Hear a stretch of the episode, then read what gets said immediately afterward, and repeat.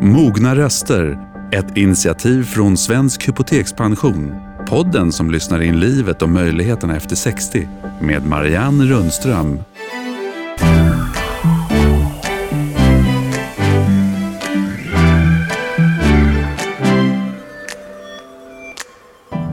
Fortsatt välkomna bästa lyssnare.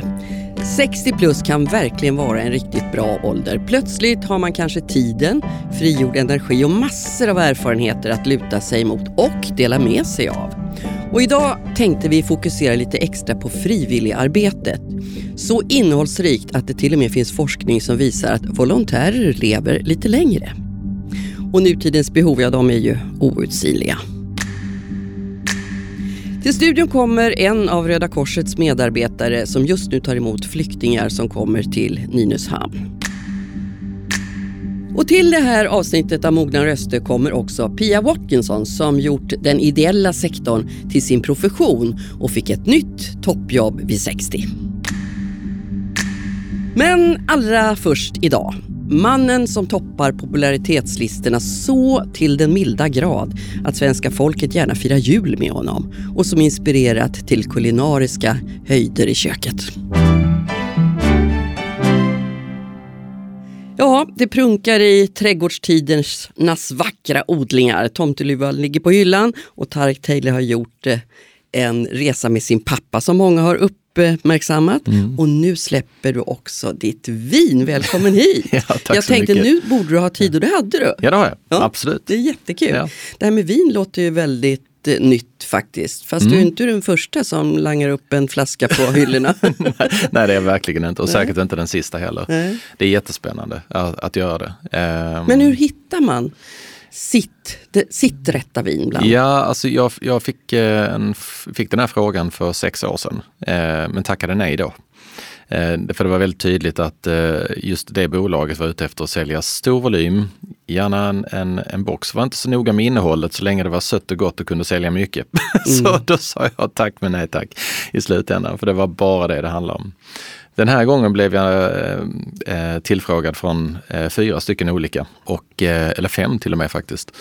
Och än en gång så majoriteten av dem var ute efter precis samma sak. Man ser någon som man tänker att ah, men det här kan hjälpa oss att sälja riktigt mycket. Så eh, tre av dem åkte bort direkt. Och när det då stod mellan de två sista och jag berättade vad jag ville göra för någonting. Att jag ville göra en, eh, jag vill vara med hela vägen, jag vill skapa vinet. Jag eh, vägrar att sätta mitt, eh, mitt namn, sa jag, på en färdig flaska som någon annan har gjort och sen så ska den helt plötsligt eh, liksom skickas ut. För det är oftast det vanliga. Här har vi ett vin som vi tycker är jättebra, det har fått bra i tester. Eh, men med ditt namn på kan vi höja den 15 kronor till och så tror vi att det kommer sälja riktigt bra. Mm. Jag har du inte namnet på flaskan? Alltså väldigt lite. Jag har namn på flaskan men jag har gjort vinet den här gången. så mm. jag har inte trampat druvorna. Men jag har varit med vid bländen utav de olika för att få fram just den rislingen som jag ville ha. Ja. Och det var häftigt. Ja. Mm. Riesling är väldigt gott men väldigt mycket socker i ofta. Ja, så är det inte denna gången. Den här gången är den eh, 6% eller 6 gram. Eh, det är samma som en torr champagne. Så den är, den är snustorr och fin. Eh, men det roliga med det här var att när man vill göra en så torr eh, Riesling som är sådär stringent och ren och elegant så ehm, då behöver man en toppproducent många gånger. Man behöver någon som verkligen kan detta. Och jag ville göra en som kändes nära. Tyskland är nära. De är väldigt duktiga, har lång historik eh, just med Rieslingen. Eh, och vi närmade oss eh, ett av de absolut mest prestigefyllda husen, en, en, en av mina absoluta favoriter. Eh, och så tittade de på det och så sa de Tack för frågan men nej tack. Så tänkte jag, ups, mm. vad gör vi nu? och det var, deras hållning var att vi gör ingenting utanför huset till någon annan. Vi vill inte riskera vårt namn på något sätt som helst. Eh, så vi, vi, eh, vi gick väl därifrån lite grann sådär modfälla och tänkte, ja nu måste vi börja leta igen. Men eh, ett par, tre månader senare så fick vi samtalet och så sa de, ja men vi har, vi har tänkt över. Vi har också sett vad det här är för en snubbe som ni vill göra detta med. Och känner att vi vill prova denna gången. Eh, men vi håller oss i bakgrunden. Vi garanterar innehållet och när ni har uppfyllt eh, vad ni lovar, det vill säga att ni står för kvalitet och ni står för ett schysst innehåll och att det representerar detta rätt. Först då kan vi tänka oss att bli synliga. Mm. Så att, eh, det är väl lite bra? Jag tyckte det var Höga jättefint krav. för Ja. att vi skakar hand på att vi båda två eh, har integritet. Mm. Om jag inte följer vad jag ska göra så eh, är jag inte välkommen längre. Det där tycker jag är bra. Jag gillar det. Det är ovanligt att man börjar prata rinnande produkter med dig faktiskt. Det brukar ju vara mat. Ja. Nu tänkte jag vi skulle spara det lite också Absolut. Mm. och faktiskt gå in på ett helt annat spår. För den här succéserien som du gjorde tillsammans med din bror och pappa. Ja. När du reste i din pappas fotspår tillbaka till Jerusalem, Palestina. Mm. eh, den blev ju verkligen berörande för väldigt många och inte minst för er själva förstås. Mm. Nu tänker jag att det, det är ju inte så himla ovanligt att föräldrar och familjer färdas längs memory lane och går tillbaks till bakgrunden. Men det här blev ju så viktigt för er. Vad, vad berodde det på? Jag tror det är många bitar i detta här. Jag tappade kontakten med pappa, både jag och Safer eh, tappade kontakten med pappa under flera år. Eh, I våra unga år, i tonåren. Och eh, mycket gick förlorat där. Pappa har alltid eh, varit väldigt tystlåten. Han, eh, han tillhör den här eh, typen av personer som sitter på, sitter på hur många svar som helst. Men han är inte nödvändigtvis den som bara levererar dem. Eh, han gör det när man frågar. Och jag tror det där har, det där har jag liksom dykt på så många gånger. När man har ställt en fråga till pappa så får man svaret. Och så, ställer, så frågar jag efteråt, men pappa, varför har du inte sagt någonting? Ja, men du har inte frågat. Mm. Ja, okej, det är så. Man måste ställa frågan för att få svaret. Och jag vet inte om det är en generationsfråga eh, eller om det är en personlighetsdel. Kanske är det en kombination utav de två. Ja, du är inte så känd för att vara helt tyst. Nej, jag är ju raka motsatsen till pappa i det avseendet. Men eh, att komma ner till eh, Jerusalem tillsammans med pappa gav eh, så många svar på så många saker.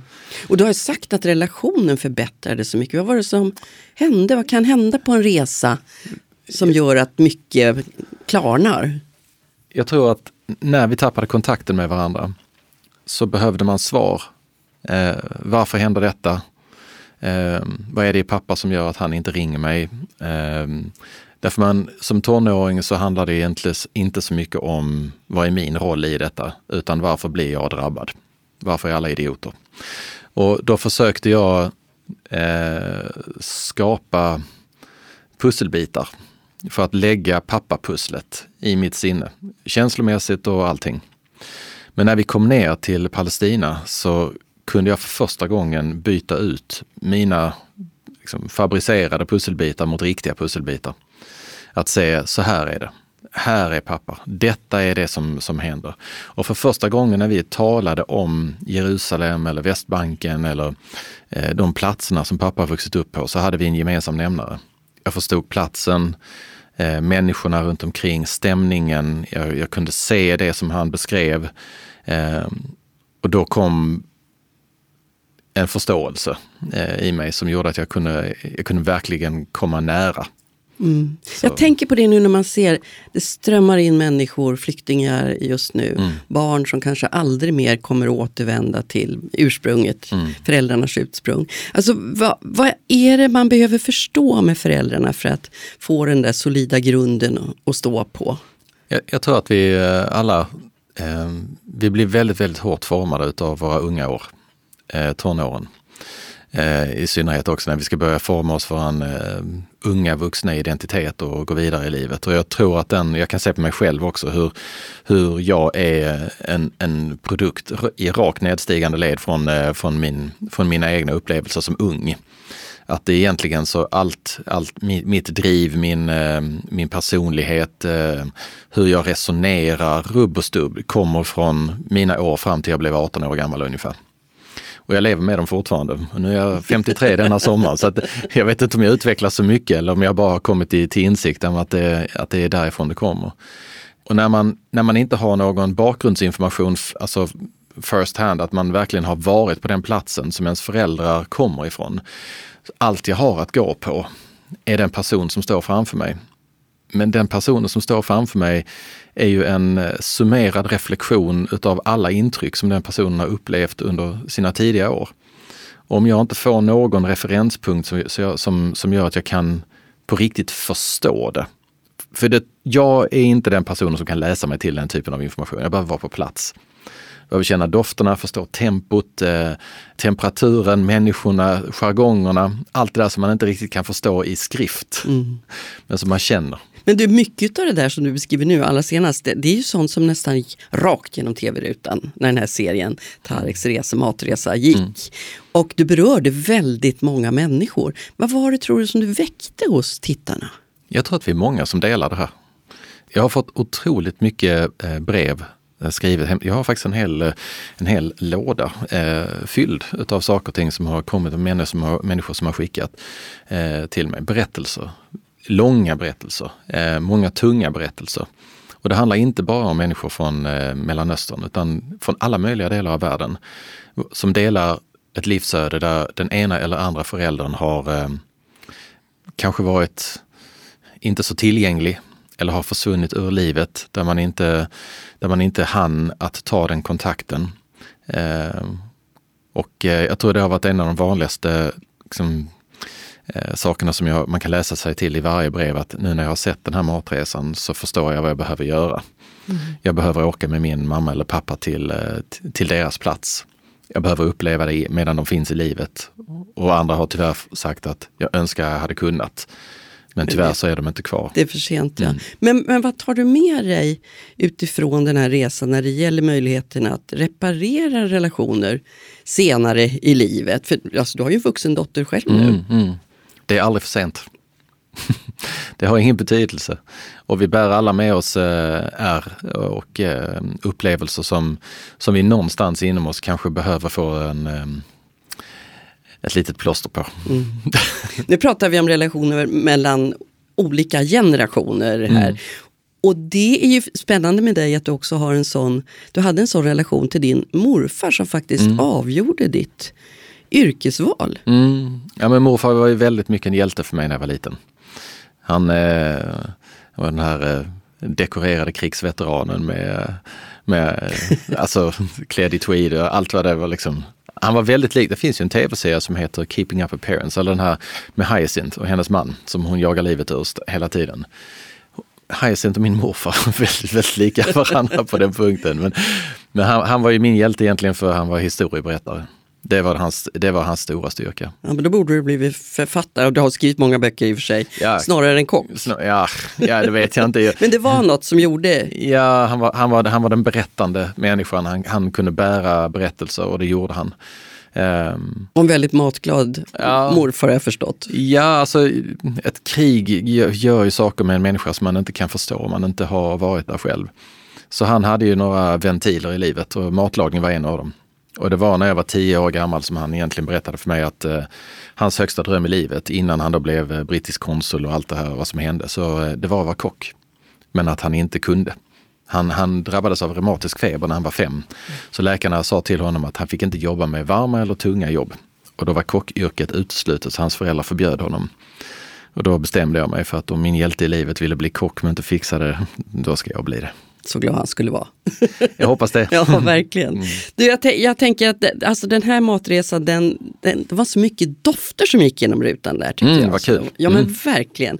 Hummusen och granatäpple, alla kryddor mm. förstås. Mm. Men annars är ju du kanske känd som Sveriges stora kycklingkung. Jag tänkte på det. ja, men jag såg, jag såg Mass Singer, jag vet inte om du tittar på det. Jo då, men de, de, de är utklädda i fantastiska dräkter och så kommer in den här gången en jätte jättefågel. Och då var det någon som direkt sa, det där måste vara Tareq Taylor.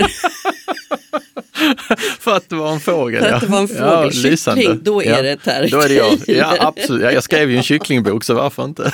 ja, det gjorde du. Ja, det gjorde jag. Vad är det som gör kycklingen till sån väldigt bra mat? Ja, men kyckling är bra mat på många sätt och vis. Men jag skrev den eh, dels för att eh, det är ett av de mest populära livsmedel som finns. Eh, men det var också en liten bok som ville granska och, och berätta vad kyckling egentligen är. Eh, kyckling, svensk kyckling har flugit under radarn väldigt, väldigt länge. Och vi kommer alla ihåg den här grisknorsdebatten som fanns.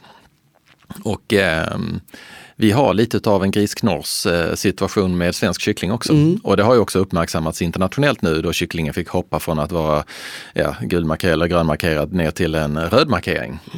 Eh, så eh, det, man, behöver, man behöver den här transparensen. Eh, och Eh, jag ville på något sätt belysa att det, det är ett fantastiskt eh, livsmedel. Men det är också ett eh, djur som ska behandlas med värdighet och respekt. Och eh, när man avlar fram djur eh, så att de ska växa extremt snabbt, som en broiler gör. Och inget fel i det så länge den har rätt förutsättningar. Men om, om eh, det går ut på att man bara ska ha stora bröstfiléer och eh, inte mycket mer för att det är det som säljer, då har man, tycker jag, manipulerat eh, djuret på ett sätt som eh, inte längre uppfyller de etiska krav som man bör ställa. Men har vi blivit mer medvetna som konsumenter? Mm, jag skulle våga påstå att det, eh, det fanns en, en period då jag skulle säga ja. Eh, och nu så skulle jag våga påstå eh, snarare nej. Sorgligt. Ja, och det handlar nog inte egentligen om att vi inte är mer medvetna. Det handlar om att vi är bombarderade med så otroligt mycket information att det är nästintill omöjligt att eh, hålla reda på allting. Och vi drabbas också av motsägande, eh, eller motsägande information runt omkring samma sak. Eh, man kan ta nötköttet som, är, som ett exempel. Som förra året var det farligaste man kunde äta, men i år när man tittar på, när man har gjort mätningarna på svensk nötkött så säger man att det är bättre än kyckling. Mm. Ja, det är inte lätt så, att vara konsument. Det, det, nej, det, det, det är nästan till omöjligt eh, att vara fullständigt korrekt när man går ut och handlar. Jag tror att grundläggande får man väl göra några, eh, några egna värderingar och säga att eh, och ha en stark värdegrund på om man vill, om man vill liksom stå rakryggad varenda gång man kommer till kassan. Och, eh, det är nog upp till var och en att bestämma vad den värdegrunden ska vara, vad den ska vila på. Mm. Vad är det bästa vi kan göra med kycklingen då? Eh, det bästa vi kan göra med kyckling det är att eh, börja ställa lite krav på eh, industrin och lyfta upp detta så att förhållandena är bra. Så att kycklingarna får bra förhållanden att leva på. Att, att när man väl ska ta hand om dem och de ska slaktas, att det sker på ett etiskt bra sätt. Och då har man ju sett alla möjliga konstiga exempel på det att, mm. som, som inte är så bra. Man har också sett väldigt fina när jag har varit ute. Men om vi säger att det är godkända förhållanden. Mm. Vad är det bästa sättet att använda kycklingen till, använd hela. på vägen till bord? Hela? Ja. Stoppa in hela i ugnen? Ja, nej men använd hela kycklingen. Eh, när vi börjar eh, stycka upp eh, detaljer och börjar, kasta halva kycklingen innan vi ens är färdiga med det så eh, har vi gjort oss av med väldigt, väldigt, väldigt mycket saker. En kyckling kan faktiskt bli en, en fullvärdig måltid eh, för fyra personer men tre dagar i, rad med tre olika rätter utan några som helst problem. Vilka tre rätter är det? Ja, då skulle du kunna ta bröstfiléerna till exempel. De skulle enkelt kunna bli antingen snitslar eller någonting som är minutstekt. Eh, nästa gång tar du eh, låren eller klubborna, benar ur dem till exempel och eh, fyller dem, gör rullader på dem eller gör en gryträtt utav dem. Alldeles utmärkt. I den sista delen så tar man skrovet som är kvar, alla benen som finns där och sen kokar man soppa på det. Mm.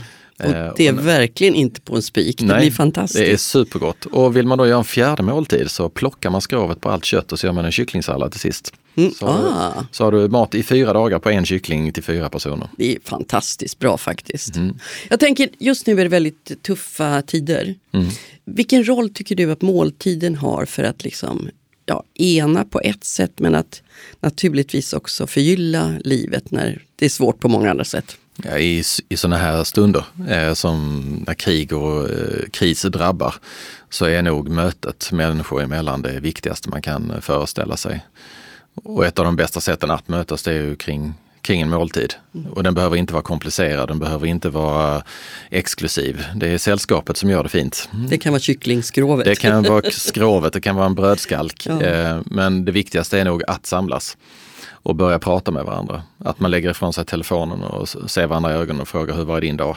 Är det något som bekymrar dig eller vad gjorde dig glad idag? Har någon, jag ska berätta någonting kul.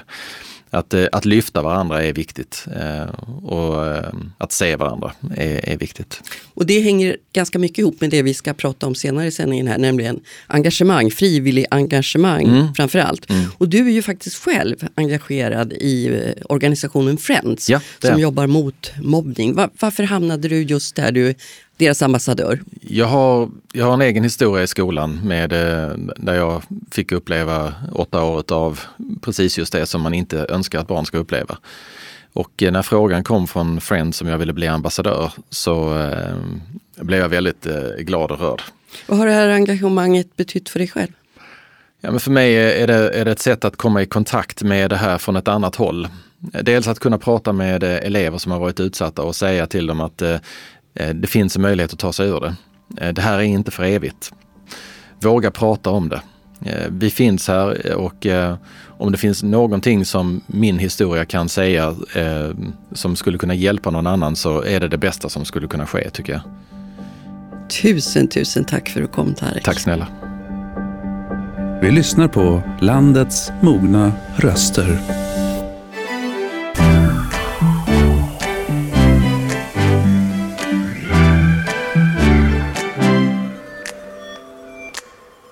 Ja, hundratals frivilliga har den senaste tiden strömmat till svenska frivilligorganisationer för att sträcka ut en hjälpande hand mot ukrainska flyktingar. 25 procent av svenska volontärer är också lite äldre människor som efter yrkeslivet har både mer tid och kanske energi för samhällets behov. Och vi ska prata mer om den möjligheten nu med alla de som hjälper till i flyktingmottagandet, eller om alla de snarare. Men låt oss börja med dagens situation. Mängder av flyktingar från Ukraina stiger ju i land nu, bland annat i Nynäshamns hamn. Och där är sedan några veckor den förra skolledaren Lena Pulsar en av många som arbetar för Röda Korset med att ta emot människor. Du är väldigt välkommen hit. Tack så mycket. Ja, du, hur såg det ut senast du var i hamnen? Med Röda korsvästen på. Ja, det var ju väldigt spännande och omtumlande. För vi var ju ett gäng som gick en eh, introduktionskurs för att få vara där med våra röda västar. Och eh, ja, det kommer ju ett hundratal eh, personer. Och de är, ja, de är lättade. Tårarna rinner och kramar. De... På dig också? Ja, alltså man blir väldigt rörd. Det, det blir man mm. när man ser människorna som man har läst om och sett på tv. Men vad gör du? Vad är din uppgift när du står där i hamnen? Ja, vi som har Röda korsvästar på oss, vi har ju ett uppdrag att eh, finnas till hands och eh, inge lugn och trygghet. För Röda Korset har ju funnits med de här flyktingarna hela vägen, ända från Ukraina. Mm. Så vad gjorde att, att du eh, engagerade dig just nu? Ja, jag tror att i och med att jag, när man hoppar av det här ekorrhjulet. Eh, så är, tror jag, är det jobbet du menar då? Ja, eh, och allmänt med människor som eh, kommer till en annan fas i livet. Eh, så tror jag att eh, när man slutar med sitt, ja, det vanliga livet, så tror jag att då hamnar man i en, här, en bra ålder att eh, titta på andra saker och engagera sig frivilligt. Du har en bakgrund i något helt annat. Du startade Tyresös första friskola och har jobbat som skolledare i många år. Ja, när jag och min kollega sålde skolan så blev jag ju arbetsfri. Eh, kan man ju säga. Vilket eh, bra ord! Ja, ja, ja, precis. Eller jag brukar ibland skämta och säga, men nu har jag ju lördag hela veckan. Och det är också sådär. Men det är ju, i längden så vill man ju faktiskt göra en insats, fortsätta faktiskt att göra insatser för människor. För jag tycker att skolan det är ju väldigt mycket sånt också. Mm. Och eh, då har jag bland annat också återinträtt i eh, lottakåren. Så du har en bakgrund tidigare i att jobba som volontär? Ja, inte, inte som volontär. Som frivillig i lottakåren så får man ju skriva avtal, gjorde man ju på, på den tiden. Mm. Men eh, som volontär är det faktiskt nytt för mig. Och så berättade du att du eh, hade gått en introduktionskurs. Alltså hur kan man förbereda sig inför ett sånt här uppdrag? Att de som kommer är ganska oförberedda de också, som kliver av båten i, i olika hamnar i Sverige just nu. Ja, så man kan ju man kan nog inte förbereda sig för, eh, för det värsta. Men under kursen så pratade vi en del om det här. Men eh, vid terminalen så finns det personer som kan hjälpa till. Eh, som är utbildade för det. Det finns läkare och sådär. Men eh, vi är ju inte, vårt uppdrag är inte annat än att eh, ja, inge lugn. Vi, vi kan, alltså eftersom det Röda Korset det, det är ju en frivillig organisation. Mm. Det är frivilligt att ta emot vår hjälp. Och att det är frivilligt för oss att ge. Men vad är känslan när du, när du står där? En värme tycker jag också. Att eh, de som kommer, att eh, de, är, de är varmt välkomna till oss. Och eh, Eh, ja, att eh, men de har klarat sig. Till skillnad från alla, allt det man ser på tv. Den bedrövelse som man ser. Förstörelse. Kan du allting. se det, att det finns en lättnad Ja, hos de som precis. För de som, de som eh, vi ser, de har ju vänner eller släktingar. Så vi ser ju inte de som inte har något boende egentligen. För de tar Migrationsverket hand om direkt. Mm. Så att, eh, jag tror att eh, där är det nog kanske en större osäkerhet för dem. För de vet ju inte riktigt vart de ska. Nu sa du att du hade redan tidigare varit med i Lottakåren. Ja, Det har ju varit alltså inte strömmat medlemmar till, men nu gör det faktiskt det igen. Och du har också återinträtt. ja. Med, med vilken tanke då? Ja, eh, förra sommaren så tänkte jag lite så här, ja vad ska jag göra framöver? Och eh, tänkte, ja men Lottorna, det, det var ett, en häftig frivilligrörelse. Alltså kvinnor som eh, engagerar sig. Alltså det är ju Sveriges största kvinnliga organisation där, faktiskt. Eh, där man kan engagera sig på så många olika sätt. Och då tog jag kontakt med dem. Och eh, trodde att jag skulle få fortsätta där jag slutade. Men eh, då fick jag faktiskt höra att jag var för gammal. Den Yes. första gången jag har hört att jag var för gammal för någonting. Du var inte välkommen tillbaks till Lotterna. Jo då, jag var jättevälkommen tillbaka. Men inte att skriva ett militärt avtal. Där Eh, finns det en åldersgräns. Där fanns det en åldersgräns. Jag skulle inte hinna göra eh, de eh, övningar och repetitioner som krävs innan jag faller för det riktiga åldersstrecket som då kanske, om det är 70 år eller sånt där. Blev du besviken? Ja, först blev jag det. Tänkte jag, men, men vad 17, det här var ju inte alls som jag hade tänkt mig. Nej. Men eh, sedan så finns det numera eh, ett annat sätt att eh, engagera sig inom lottakåren. Och då kan man skriva ett civilt avtal. Så då kan man hjälpa till vid eh, olika kriser, katastrofer. Det har ju varit bränder i Sverige till exempel, där många lottor varit med. Du har en lång bakgrund som, i skolan och som skolledare också varit verksam i kommunalpolitiken. Alltså, vad, vilken nytta kan du ha av din långa erfarenhet från de här planhalvorna i, i frivilligarbetet? Ja, alltså jag tror att eh, jag har stor nytta av att eh, jag har lätt för att eh, ringa upp folk. Om det är någonting som jag tycker att ja, men det här måste jag ta reda på. Eller det här vill jag eh, engagera mig i. Så jag har nog ganska lätt att, eh, ta, att knyta kontakter. Och det märker jag nu nere i Nynäshamn också. Eh, med Lottakåren, Röda Korset och att hur, hur många människors liv nu vävs ihop. För vi är flera stycken som säger, ja men är du här också? Så att eh, det blir jättekul. Mm, härlig känsla. Ja, Mm. engagerade tjejer. Du pratar ofta i den här podden om, om att det här är en tid i livet 60 plus när mycket förändras. Och ibland blir det ju inte alls som man hade tänkt. Du miste din man för en kort tid sedan, något år sedan. Min, min sambo. Ja. Vad hade du för, för tankar om framtiden då? Mm. Nu blir det känslo, känsloladdat. Mm. Eh, jo, vi, eh, vi pratade väldigt mycket om att vi kanske skulle på äldre dagar bli lite månskensbönder eh, och skaffa någon liten gård.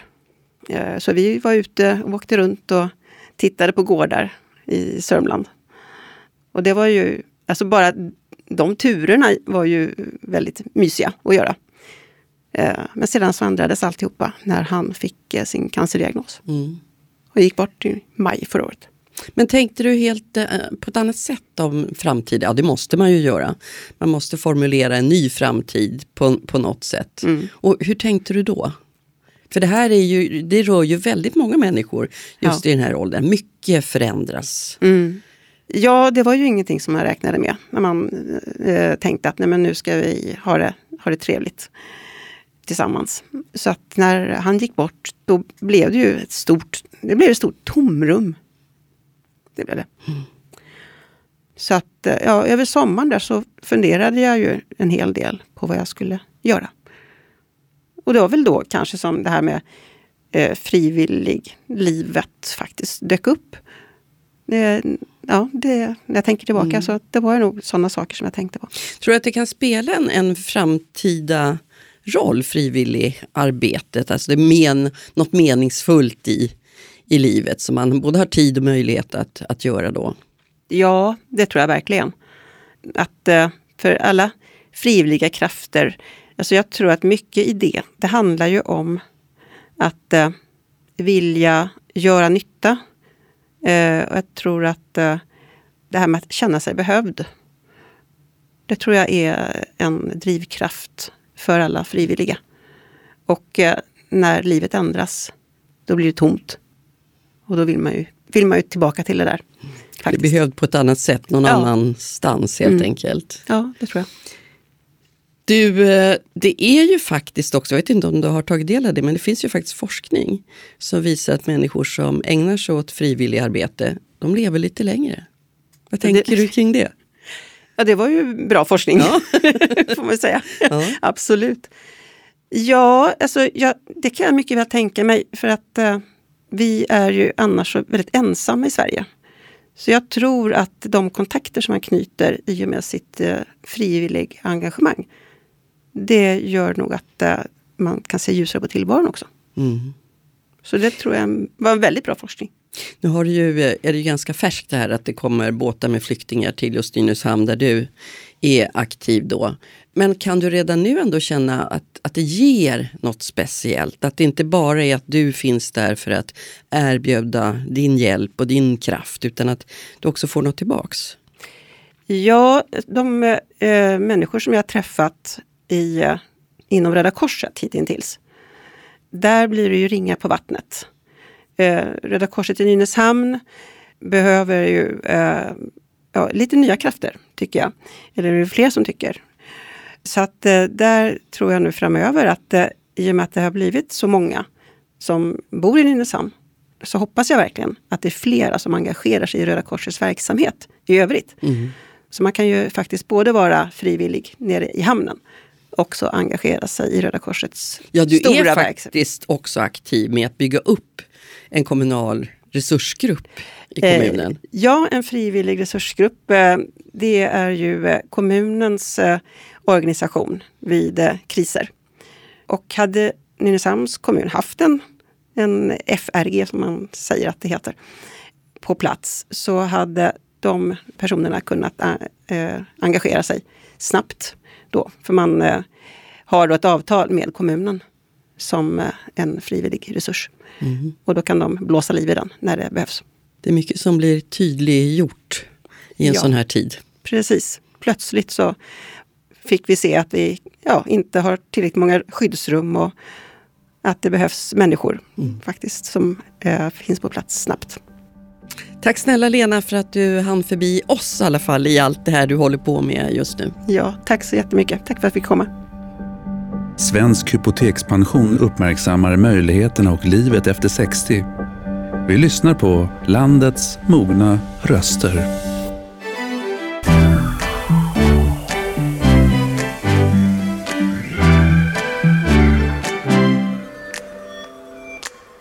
Ja, om Lena Pulsar hittade den ideella sektorn efter avslutad karriär så ska ni nu få träffa kvinnan som gjort den till sitt yrkesliv för snart två decennier sedan. Jag säger varmt, varmt välkommen till eh, Pia Watkinson. Nu är du generalsekreterare för Cancer och rehabfonden. Man skulle kanske kunna säga att du är en professionell ideell arbetare. Ja, det kan man nog säga att jag är. Fast du kom faktiskt från den internationella hotellbranschen när du bytte spår och blev insamlingschef på Ersta diakoni. Och dessförinnan hade du också jobbat med SOS Barnbyar. Du blev kvar sen i den ideella sektorn. Varför blev det så här? Ja, jag var ju länge i hotell, den internationella hotellbranschen och eh, hade, hade det väldigt bra där och lärde mig mycket där.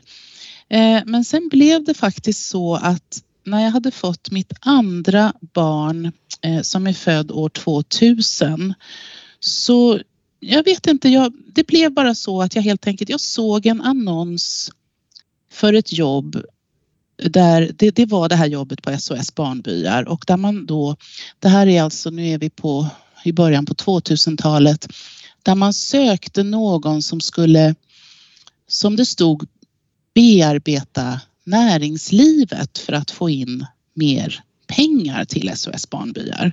Och på något sätt så kände jag då att jag hade då jobbat som försäljningschef och PR-chef på Sheraton. Och då, och då kände jag så här, men jag kanske kan använda det här som jag kan här fast för att hjälpa barn. Och det, det sammanföljer med att jag hade två ganska små barn själv och så. Mm. Ehm, och, då, och då fick jag det jobbet och sen kändes det så perfekt för mig att kunna använda det jag kunde till ett, ett sånt syfte som kändes så meningsfullt och, och gott i själen faktiskt. Alltså det, så, så, så, blev det. Det är spännande det du säger nu tycker jag, för det fanns ju ganska tydliga staket faktiskt mellan den ideella sektorn och näringslivet. Tydligen har ju det förändrats då. Ja, det stämmer absolut. Jag tycker det har blivit en stor förändring sen, sen eh, den tiden. Då i början på 2000-talet så kommer jag ihåg att det fanns studier på Handelshögskolan faktiskt där man hade studerat språket i den ideella sektorn och språket i näringslivet och där man då hade kommit fram till att man faktiskt inte riktigt förstod varandra. Och jag tror att jag hade ganska stor nytta av det eftersom jag var lite, Eh, jag var lite ovanlig då eh, eftersom jag då kom från näringslivet och ett ganska kommersiellt amerikanskt näringsliv dessutom. Men jag vet att företagen som jag då träffade, det, det hände faktiskt relativt ofta att de sa det är så bra att du förstår vad vi säger. Jag visste vad en marknadsplan var och vad, alltså sådana saker som jag förstod att de sa. Var det ett stort steg för dig att ta?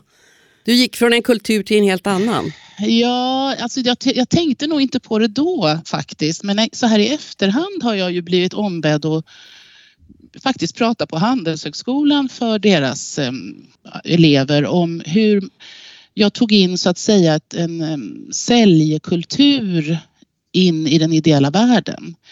Uh, för mig var det ganska naturligt.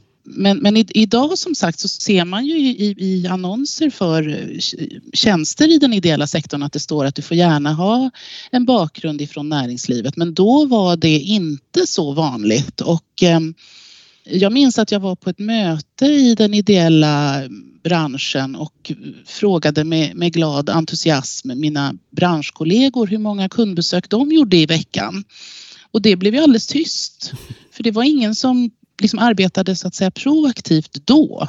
Mm. Nu, nu är det ju skillnad men då var det inte så. Och jag för mig var det helt naturligt att jobba på det sättet. Men du har ju haft ett stort ansvar både på Ersta diakoni och nu är det då Cancer och rehabfonden att faktiskt samla ja. in mycket pengar och du lyckas bra. Du fick en stor donation nu på Cancer och rehabfonden på 6 miljoner kronor faktiskt.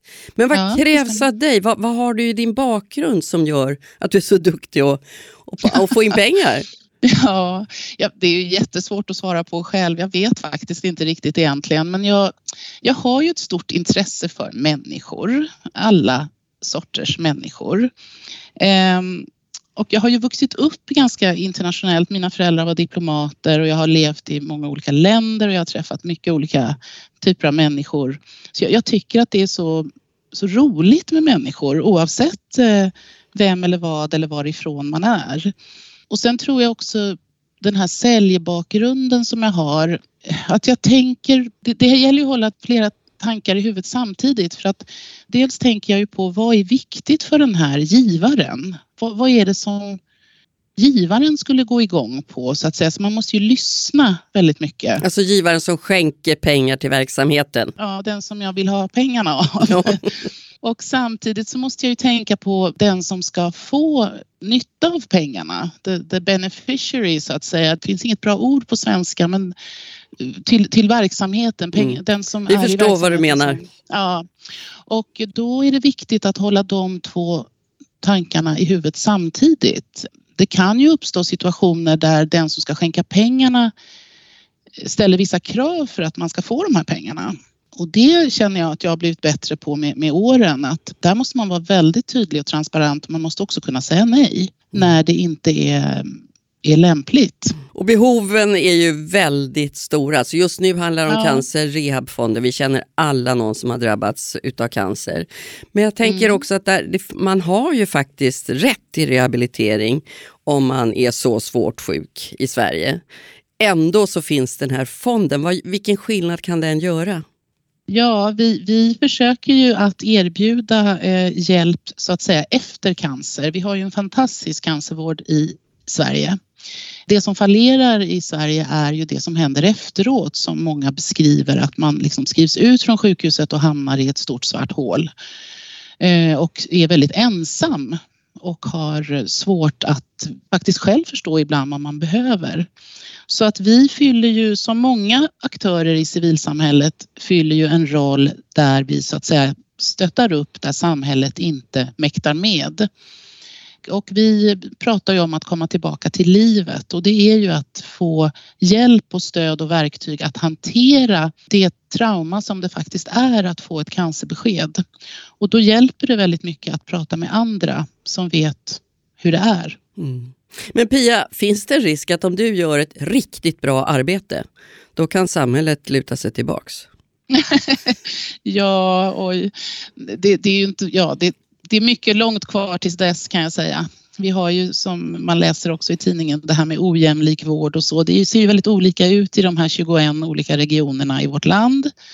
Och du vet det här man säger att man ska vara frisk för att vara sjuk. Mm. Man måste orka kämpa sig till saker och ting. Så att um, jag är ju också väldigt mån om att skapa liksom, goda relationer med den offentliga eh, vården också så att vi alla kan så att säga hjälpas åt mm. i det. Det här är ett stort stort område. Ja, behoven är ju stora när det gäller ideellt arbete överhuvudtaget och volontärarbete. Men det är också många som säger att man får så mycket tillbaks. När, när gav jobbet dig mest tillbaks? Oj, alltså det tycker jag att det gör hela tiden. Jag, jag, jag brukar tänka liksom så här att jag, jag är egentligen inte den som som kan hjälpa. Jag har ju ingen utbildning för att hjälpa i alla mina jobb inom ideell sektor, SOS Barnbyar, Ersta diakoni och nu Cancer Rehabfonden. Jag träffar ju alla de här duktiga proffsen, eh, psykologer och terapeuter och läkare och allt vad jag träffar i alla de här olika, eh, på äldreomsorg och allt möjligt. Jag är ju den som ser till att de får medel och pengar och resurser för att göra sitt jobb. Men jag får ju oerhört mycket av att träffa dels de som gör jobbet och dels de som får hjälp. Mm. Och det är så otroligt eh, givande och det, det känns bra i, i, i, hjärtat att jag, jag bidrar på, på, med det jag kan för att göra världen lite, lite bättre. Hur har det här långvariga engagemanget påverkat dig som person tror du? Ja, just nu kan jag säga att man blir väldigt ödmjuk faktiskt kanske låter som en klyscha men man blir väldigt ödmjuk inför att man är frisk. Att man är tacksam och glad att man är frisk. När jag träffar, jag träffar unga människor med cancerdiagnoser som är otroligt tuffa och starka och kämpar. Så att ett visst mått av ödmjukhet faktiskt inför hur, hur bra jag har det själv kan jag nog säga mm. Du blev kvar i den ideella sektorn länge och det finns en framtid kanske också där. Men du var över 60, nej det var inte över 60 men du var i 60-årsåldern kan man säga. Ja, när du tog det här rollet som generalsekreterare ja. på Cancer Rehab-fonden. Hur gick tankarna ja. då? Alltså jag var ju precis på, på snöret där, 59 var jag väl då när jag, eller jag kommer inte ihåg exakt där omkring, när jag blev um, uppringd om det här jobbet. Ja, så alltså jag vet inte, jag har inte tänkt så mycket på det Marianne. Jag, jag tyckte att det här lät ju spännande och kul och, och intressant så att jag har nog inte tänkt så mycket på det själv. Det är nog mer andra som frågar mig när, när ska man gå i pension och sådär. Jag tänker mer sådär att eh, det är inte alla som får erbjudanden i 60-årsåldern. Ja, ja, nej, nej, det är sant. Det hör man ju att det är så. Jag, jag har ju också själv hört att speciellt kvinnor över 50 har inte en chans och sådär. Så att um, det var ju väldigt smickrande och glädjande att jag, att jag blev erbjuden och um, alltså jag hoppas det här med åldersdiskriminering att det inte är så hemskt som man ibland läser i, i tidningen. Jag kanske har haft tur eller är du en strålande förebild faktiskt? Men det, jag tänker på den tid vi lever i nu. Det kommer enorma flyktingströmmar till Sverige. Många engagerar sig. Det har vi sett även 2015 då. Det är väldigt härligt att se det tycker jag. Men behoven är ju enorma. Hur, hur ska man välja var man placerar sitt engagemang när det gäller hela den ideella sektorn? Oj, det är en jättestor fråga. Ehm, det, det gäller ju faktiskt att man måste läsa på själv lite grann om den aktör eller organisation man väljer att ge sina pengar till. Det finns väldigt många som har goda intentioner och vill väl och menar väl. Men man, när, det gäller, när det gäller pengar så måste man vara väldigt transparent och noga att det sköts korrekt. Fast lika viktig är ju tiden, att ge sin tid. Absolut, absolut, det är det. Och där måste man väl känna själv vad man eh, brinner för och eh, är engagerad i tror jag. Om man själv ska arbeta ideellt. Man kan ju gå in på, på Giva Sverige. Det, det är ju mer det är en insamlingsbranschens eh, organisation när det gäller att eh, skänka pengar. Och de är ju ofta sammanflätade med att man får gå ut och vara volontär någonstans och stå och hjälpa till vid soppkök och ta emot flyktingar och liknande. Det är precis det som Lena har berättat om alldeles nyss i det här avsnittet. Pia, jag ska mm. tacka dig mm. jättemycket för att du var med oss. Du är mm. någon slags mm. levande bevis på att det här kan vara ett oerhört eh, innehållsrikt engagemang. Tack snälla för att du var med oss. Tack själv. Tack. Tack för idag kära lyssnare. Snart tänds våreldarna och vi hoppas att bakslagen ska ha gjort sitt och våren och försommaren kan göra sitt intåg på allvar. Ut med det gamla och in med det nya, inte minst kanske i garderoben. För nästa gång, den 27 maj, då kommer bland andra en av Sveriges mest kända och framstående kläddesigner, Lars Wallin, till oss. Så vi hörs igen då. Mogna röster är ett initiativ av Svensk Hypotekspension, producent Jesper Tillberg, ljudtekniker Marcus Sjöberg och ljudmixen stod Oliver Börnfeldt för. Och jag heter Marianne Rundström. På återhörande.